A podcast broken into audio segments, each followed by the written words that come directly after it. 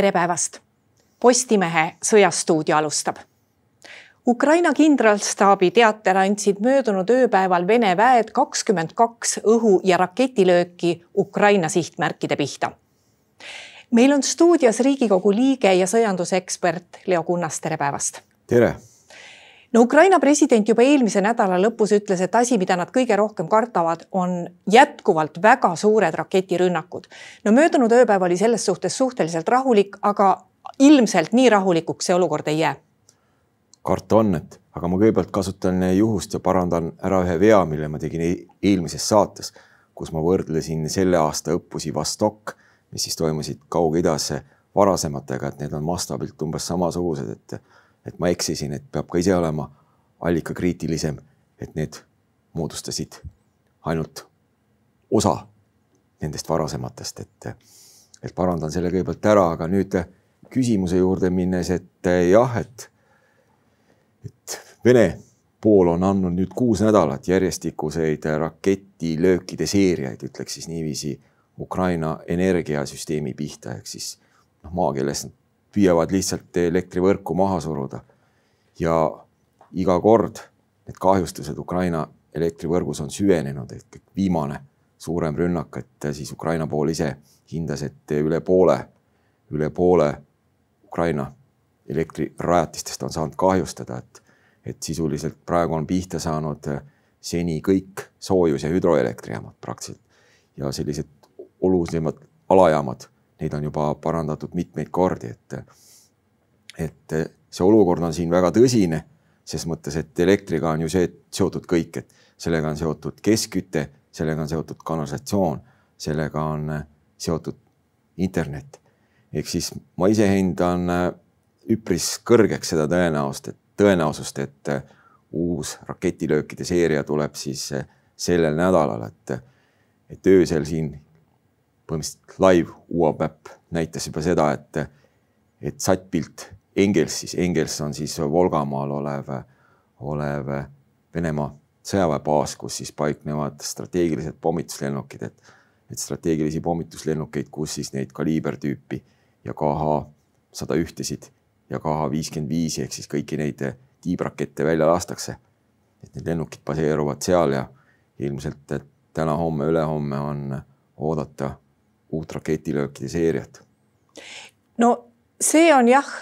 nüüd äh, seletatav mõneti, et äh, infrastruktuuri objekte venelased pommitavad, selle mõte on ju sellest, et panna vene, ukrainlased lahkuma oma kodudest, et nende olukord muutuks veel kehvemaks. võib-olla mingi lootus, et äkki nad äh, hakkavad ise nõudma sõja lõpetamist, kuigi me teame, et seda, see lootus on venelastel küll väga petlik. nüüd koht, mida ka ekstra on pommitatud, on seesama Hersoon. et mida nad sellega võiksid tahta saavutada, et noh, et see Hersoon on ju suhteliselt äh, kehvas olukorras niikuinii pärast Vene vägede lahkumist. et mis mõte seal on, et on see veel see, et hinges veel kripeldab, et pidime ära minema, et nüüd siis veel anname sinna pihta, mis saab? no sellel on äh, väga lihtne põhjus, et, et Hersoni linn, mis on umbes siin, on lihtsalt rindejoonele niivõrd lähedal, et äh, see on Venemaa suurtükiväe laskeulatuses. ehk siis rinne on ju Dnepri jõel kogu, kogu selles Hersoni osa, oblasti lõigus pidama jäänud.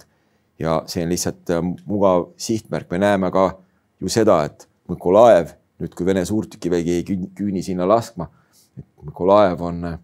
siis suurtükiväe tulelöökidest äh, pääsenud, sest ta jääb lihtsalt juba kaugemale. et Vene pool annab suurtükiväe tulelööke, annab, annab kogu, kogu rinde ulatuses, kogu rinde rinde ulatuses ja siin on noh, selged rajajooned, et äh, tavaline siis suurtükivägi, liikursuurtükid või järelvõetavad küünivad laskma umbes kolmekümne kilomeetri kaugusele ja siis reaktiivsuurtükivägi maksimaalselt üheksakümmend, noh ka uuema täppismoonaga sada kolmkümmend kilomeetrit, aga seda muidugi Vene poolel on, on vähe ja seda pole nüüd karta, et Vene poolel tavaline laskemoon otsa saaks. Ehk ma pean silmas siin saja kahekümne kahe milliseid ja saja viiekümne kahe milliseid suurtükimürske ja saja kahe, saja kahekümne kahe milliseid, kahesaja kahekümneseid ja kolmesaja milliseid rakette, mis siis käivad siis vastavalt kraadidel, uragaanidel ja šmeršidel. et seda moona Venemaal jätkub ja seda nad suudavad ka juurde toota, sest noh, kõiki neid vajalikke komponente, mis on püssirohu valmistamiseks vaja ja samamoodi metalli neil, neil jätkub ja panevad, totalitaarne riik panevad tehased kolmes vahetuses käima ja, ja moona tuleb juurde, ehk siis siin tulelöökide nii-öelda vähemat intensiivsust ei ole oodata, et kui noh, kui suveperioodil, sügisperioodil keskmine oli ju see, et Vene pool kasutas nelikümmend, viiskümmend tuhat andis viiskümmend, neli, viiskümmend tuhat mürsku või raketti päevas, siis no Ukraina pool sellele suutis vastata keskmiselt noh, nelja tuhandega, võib-olla mõnel üksikul päeval kuue-seitsme tuhandega, kuna neil ei ole lihtsalt samavõrra laskemoona. Ehk see suurtükiväe duell jätkub praegu ja jätkub eriti nüüd, kus, kus me oleme ajaliselt sellises perioodis, kus või elame sellisel perioodil, kus suuremat pealetungi ei ole lihtsalt võimalik alustada pori tõttu, ütleks siis nagu hästi lihtsalt, et et enne kui nüüd maapind külmub, mingeid suuremaid pealetunge ei ole oodata, aga noh, mis Vene pool muidugi teeb, et Vene poole, Vene poole rünnakute raskuskese on, on selgelt siin Donbassis. Nad püüavad siis Bahmutist mööduda põhja poolt, et siin on Bahmutist Slovjanskisse viiv tee selles suunas ja samamoodi ka, ka siis lõunas lõunas siin Avdiivkast juba lõuna pool ka siin tungida siis, siis peale, et nad on mõningast väikest taktikalist edu seal saavutanud. Mõne kilomeetri võrra suutnud nagu suurte kaotuste hinnaga edasi tungida. aga noh, mingit suuremast edust siin ei saa rääkida, et rinne on ikkagi olnud suhteliselt stabiilne pärast siis seda, kui, kui Ukraina pool viis siis edukalt läbi või lõpetas õigemini oma pealetungi Hersoni oblastis, mida nad alustasid tegelikult juba nii vara nagu kahekümne seitsmendal augustil, et, et üheksandast kuni kaheteistkümnenda novembrini oli siis see nii-öelda kulminatsioonifaas, kus siis, kus siis Ukraina väed jõudsid Dnepri jõeni välja, et, et loomulikult Vene pool tõmbus ise tagasi, aga Vene pool ei tee midagi, ilma et teda tõsiselt sunnitakse, ehk,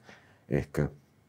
me ei saa nagu ühegi Venemaa taandumise puhul rääkida tegelikult sellest, et nad oleksid väga tahtnud kusagile nagu ise vabatahtlikult minna, et see on ikkagi Ukraina poole surve ja noh, nüüd kevadest saadik Ukraina pool on suutnud teha ju kokku neli edukat vastupealetungi, et, et kõigepealt muidugi kevadel, kevadel te näete siin, siin kaardil on hästi kujutatud need sinisega need alad, mis olid Vene vägede käes, et, et sisuliselt ähm, märtsi lõpus, aprilli keskpaigani kõik need alad vabastati. siis järgmine, võib-olla kõigi, kõige selline märkimisväärne ja sõjaliselt nagu kõige osavamalt läbi viidud pealetung siis kuuendast kaheteistkümnenda septembrini, mille tulemusena siis vabastati suured, suurem osa Harkivi oblastist ja jõuti välja siis Oskili jõeni, mis on, mis on umbes siin. ja siis pärast seda veel üks pealetung, siis Oskili jõest ida suunas ja Siverski Donetsist, Donetsi jõest põhja suunas, millega siis Ukraina väed jõudsid välja Žerebetsi jõeni ja juba uuesti siis tagasi Luganski oblasti piiridesse, mis siis vahepeal oli Ukraina poolel praktiliselt sada protsenti kaotatud. Ja siis muidugi Hersoni pealetung, mis siis on saavutanud oma strateegilised eesmärgid, mida ma ka kevadel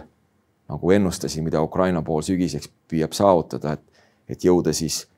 Dnepri jõeni välja, et, et nüüd noh, Dnepri jõgi enamik, enamikult selles piirkonnas on, on nii lai, et, et selle katmiseks piisab tegelikult mõlemal poolel üsna vähesest hulgast vägesid, mis tähendab seda, et et neid vägesid vabastatakse siis lahingutegevuseks mujal. ja siit on ka näha, et, et Vene pool on, on, on viinud vägesid siit ära nii põhimõtteliselt siia Zaporižžja oblastisse kui ka siis eh, Donbassi, selleks, et siis eh, seda oma kangekaelselt, kangekaelselt vastu või tähendab kangekaelset pealetungi seal ikkagi kõigest hoolimata, hoolimata jätkata. No mida te prognoosite, mis juhtub siis, kui äh, maapind külmub nii palju, et on võimalik liikuda ka mujal kui teede peal. et kus siis võiks see sõjategevus kõige ägedamaks minna, ikka seal Donbassi kandis? no Vene pool ilmselt jätkab, jätkab oma peale, pealetungikatseid Donbassis, et see Donbass on neile, ütleks lausa nagu sõjaline kinnisidee juba siin. Ukraina pool ise ilmselt püüab jätkata pealetungi siin Luganski oblasti territooriumil ehk siin on Kreminna, Svatove sellel lõigul ja muidugi Ukraina võib proovida, võib proovida siis pealetungi põhjast lõunasse ehk siis Zaporižje oblastis. mul on raske määrata, et millisel rindelõigul täpselt, aga kui maa külmub, siis tõenäoliselt Ukraina pool püüab uuesti initsiatiivi haarata. et noh, ma sõjalise olukorra poolest tegelikult ei ole väga palju üldse mures praegu, et on kaks, kaks suurt murekohta, mis tegelikult Ukrainal praegu on. üks ongi seesama elutähtsa taristu.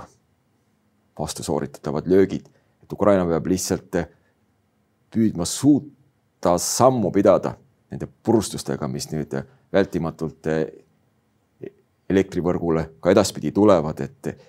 et elektrivõrk neil lihtsalt tervikuna nii-öelda ei lakkaks toimimast või ei jookseks maha, et et, et siin on ohtlik ka veel see, et kuigi Vene pool ei ole tuumaelektrijaamu, ei ole otseselt, otseselt me näeme siin, kus, kus tuumaelektrijaamad on. et siin Ukraina poolel on, on kolm töötavat ja Tšernobõl, mis, mis praegu ei tööta, et, et, et otseselt tuumajaamade pihta lööke pole andnud, aga, aga küll on Vene pool püüdnud siis lüüa rivist välja alajaamu ja elektriliine, et siis need jaamad võivad ise jääda ilma elektrita ja, ja samas sealt ei saa ka nii-öelda elektrit siis, siis välja suunata. eks see, see võib tekitada olukorra, et, et kogu võrgus, et, et tuumajaamad ikkagi hoiavad seda nagu sagedust üleval siin, et et, et võrk ei läheks sellisesse kriitilisse seisu, et, et ta ühel hetkel lihtsalt jookseb kinni või maha, et mis see hea väljend siin võiks olla, et, et noh, Vene poolel ilmne eesmärk on, et, et saada nagu Ukraina elektrivõrk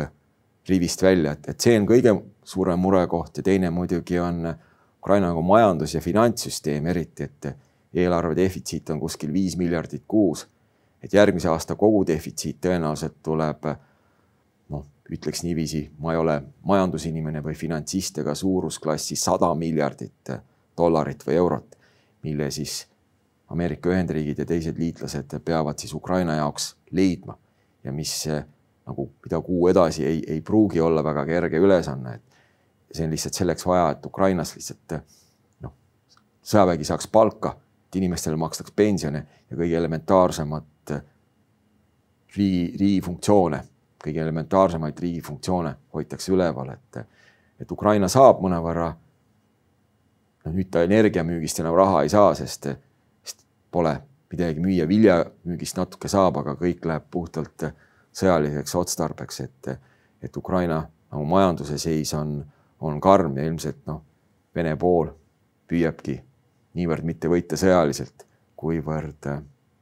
suruda maha energiataristu ja püüda siis Ukrainat majanduslikult maha suruda või hävitada. aga noh, mis ma tervikuna selle kohta ütleks, et, et ajaloost võib-olla on nagu paar sellist head näidet, kus see ei ole õnnestunud, et kõigepealt Saksamaa tuhande üheksasaja neljakümnendal aastal püüdis siis õhulöökidega sundida Suurbritannia rahule, mis ei õnnestunud. ja samamoodi siis püüdsid liitlased nelikümmend kolm neli sundida siis õhulöökidega Saksamaa nagu tingimusteta kapituleeruma, mis ka ei õnnestunud, et see õnnestus alles siis, kui väed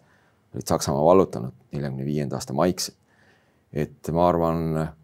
seepärast toetades nendele kahele ajaloolisele näitele, et, et Ukrainat nii-öelda mittesõjaliselt murda, ehk siis majanduslikult või infrastruktuuri kaudu ei ole võimalik, et see ei õnnestunud varasemalt, see ei, ei õnnestu ka nüüd.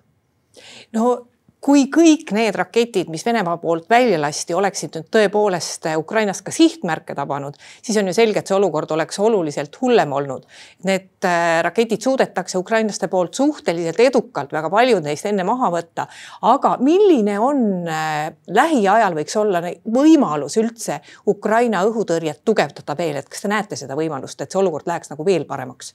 no Ukraina pool suudab üllatavalt palju rakette alla lasta, aga raketid on ainult üks külg, et teine vahend, mis kasutatakse, on,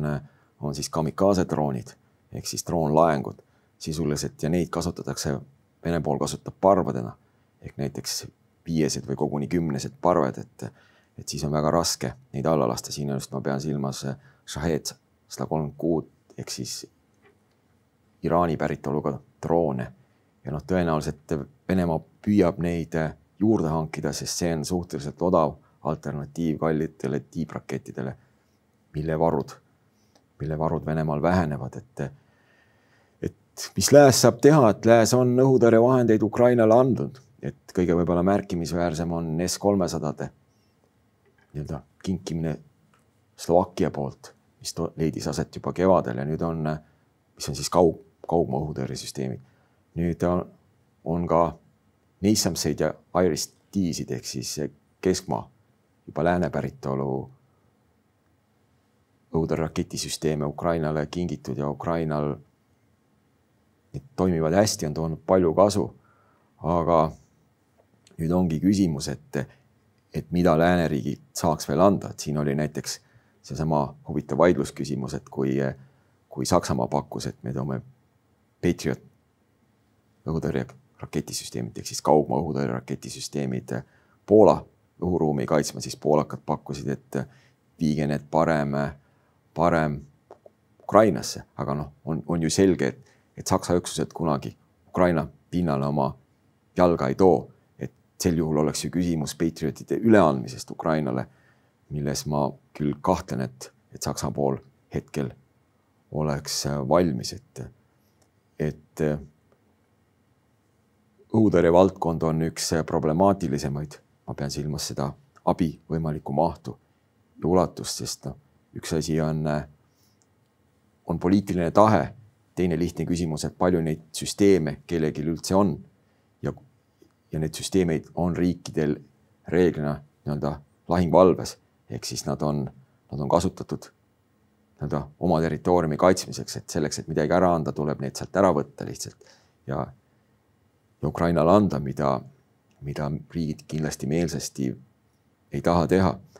ja noh, teine on hävituslennukid. teine, teine probleem, et Ukraina vajaks umbes sada, sada viiskümmend hävitus- ja ründelennukit, et see sõda võita. no õhutõrje raketisüsteemi kesk, keskmaa, keskmaa ja kaugmaa omi, ka see suurusklass on sada, sada viiskümmend, mida, mida siis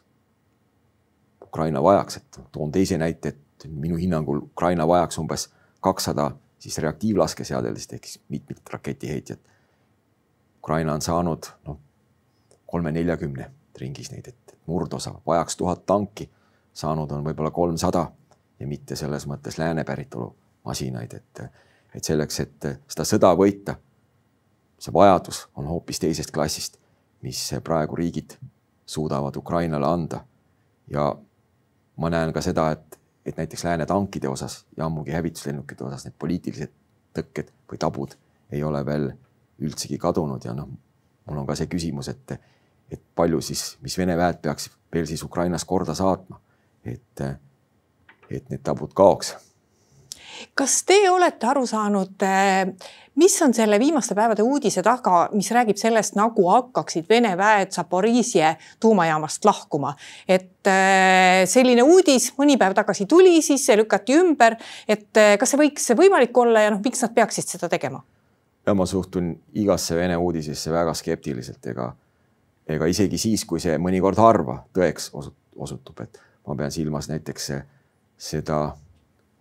kindral Surovikini ja marssal Šoigu sõud enne Dnepri läänekaldalt väljatõmbamist, et, et seekord see osutus isegi tõeks, aga, aga see on pigem erand, kinnitab reeglit, et, et Vene kogu infovahetusel või infol, mis Venemaa välja annab, ma vaatan seda, seda väga skeptiliselt, et, et selle kohta ma ei oska midagi öelda, et, lihtsalt tõenäoliselt järjekordne desinformatsioon, et, et see on ikkagi seotud, seotud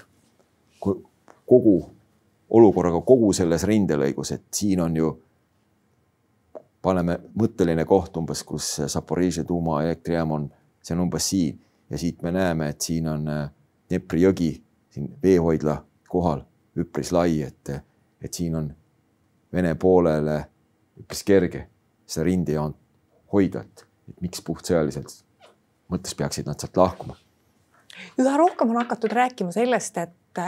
USA koos mõnede liitlastega üritab survestada Ukrainat läbirääkimistele laua taha. kui tark selline survestamine on ja teisalt, kas siin räägib kaasa ka see, et ka lääneriigid hakkavad, noh, ma ei ütleks küll väsima sõjast, aga et kõik näevad, et seda kõike ei jõua lõputult kinni maksta. jah, siin finantskulud on suured, pluss materjalivajadus on väga suur. eks siin sõda peetakse industriaalsel tasemel. ehk siis eh, lääneriigid ei ole pikki aastaid säärast eh, sõda ette näinud, et kellel laskemoona on, on sellised riigid nagu Põhja-Korea või ka Lõuna-Korea, kes on, kes on pikalt valmistunud, et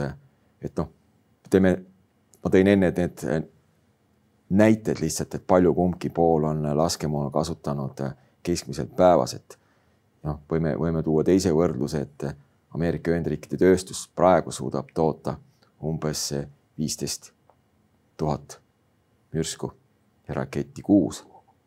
mida on nagu ilmselgelt vähe, et Vene pool teebki tegelikult panuse sellele, et murda lääs majanduslikult ja siis püüa oma majandust viia, kuna Venemaa on totalitaarne riik, kiiremini sõjaaja rööbastele niiviisi, et, et lihtsalt püüda siis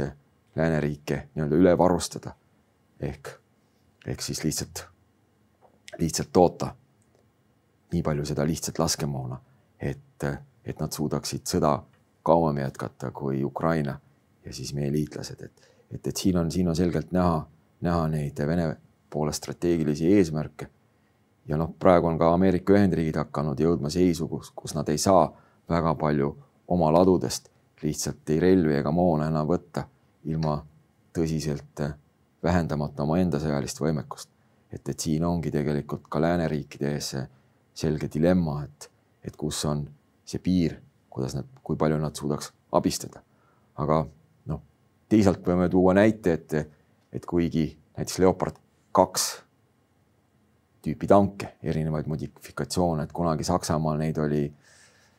kaks tuhat kolmsada, natuke pluss, et enamik müüdi ära, et Euroopas neid siiski on umbes kaks tuhat tanki, aga nendel riikidel, kes on, kes on nii-öelda, kes ei ole rinderiigid. et, et iseenesest loomulikult see abivõimalused ei ole kõik ammendunud, aga küsimus on väga palju selles samas poliitilises tahtes, et, et palju seda poliitilist tahet, tahet lõpuks on, et mul on, mul on raske sellele küsimusele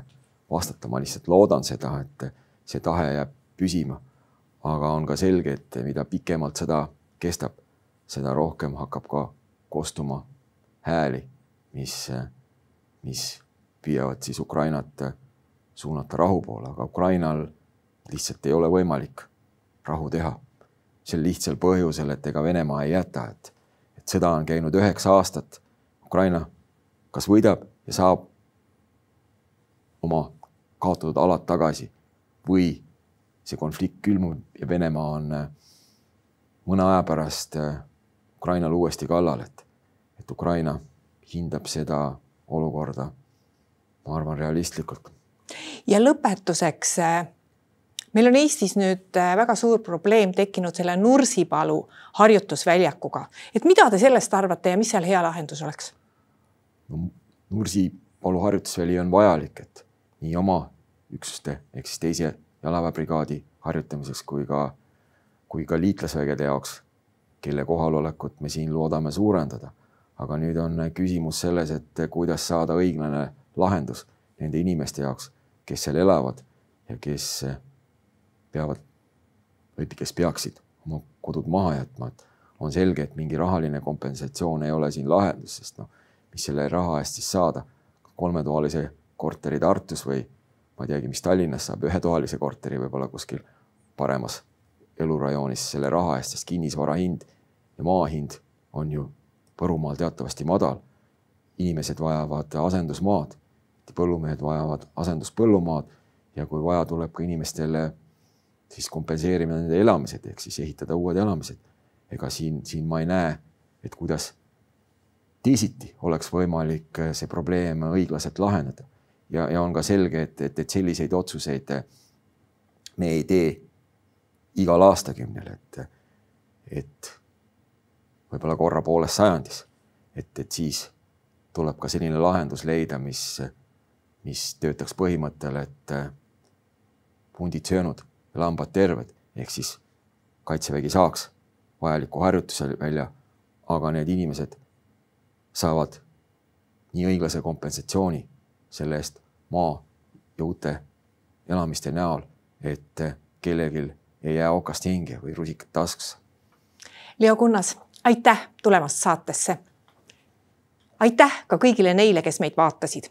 nii palju veel, et meie järgmine otsesaade on eetris juba homme. seniks lugege uudiseid postimees.ee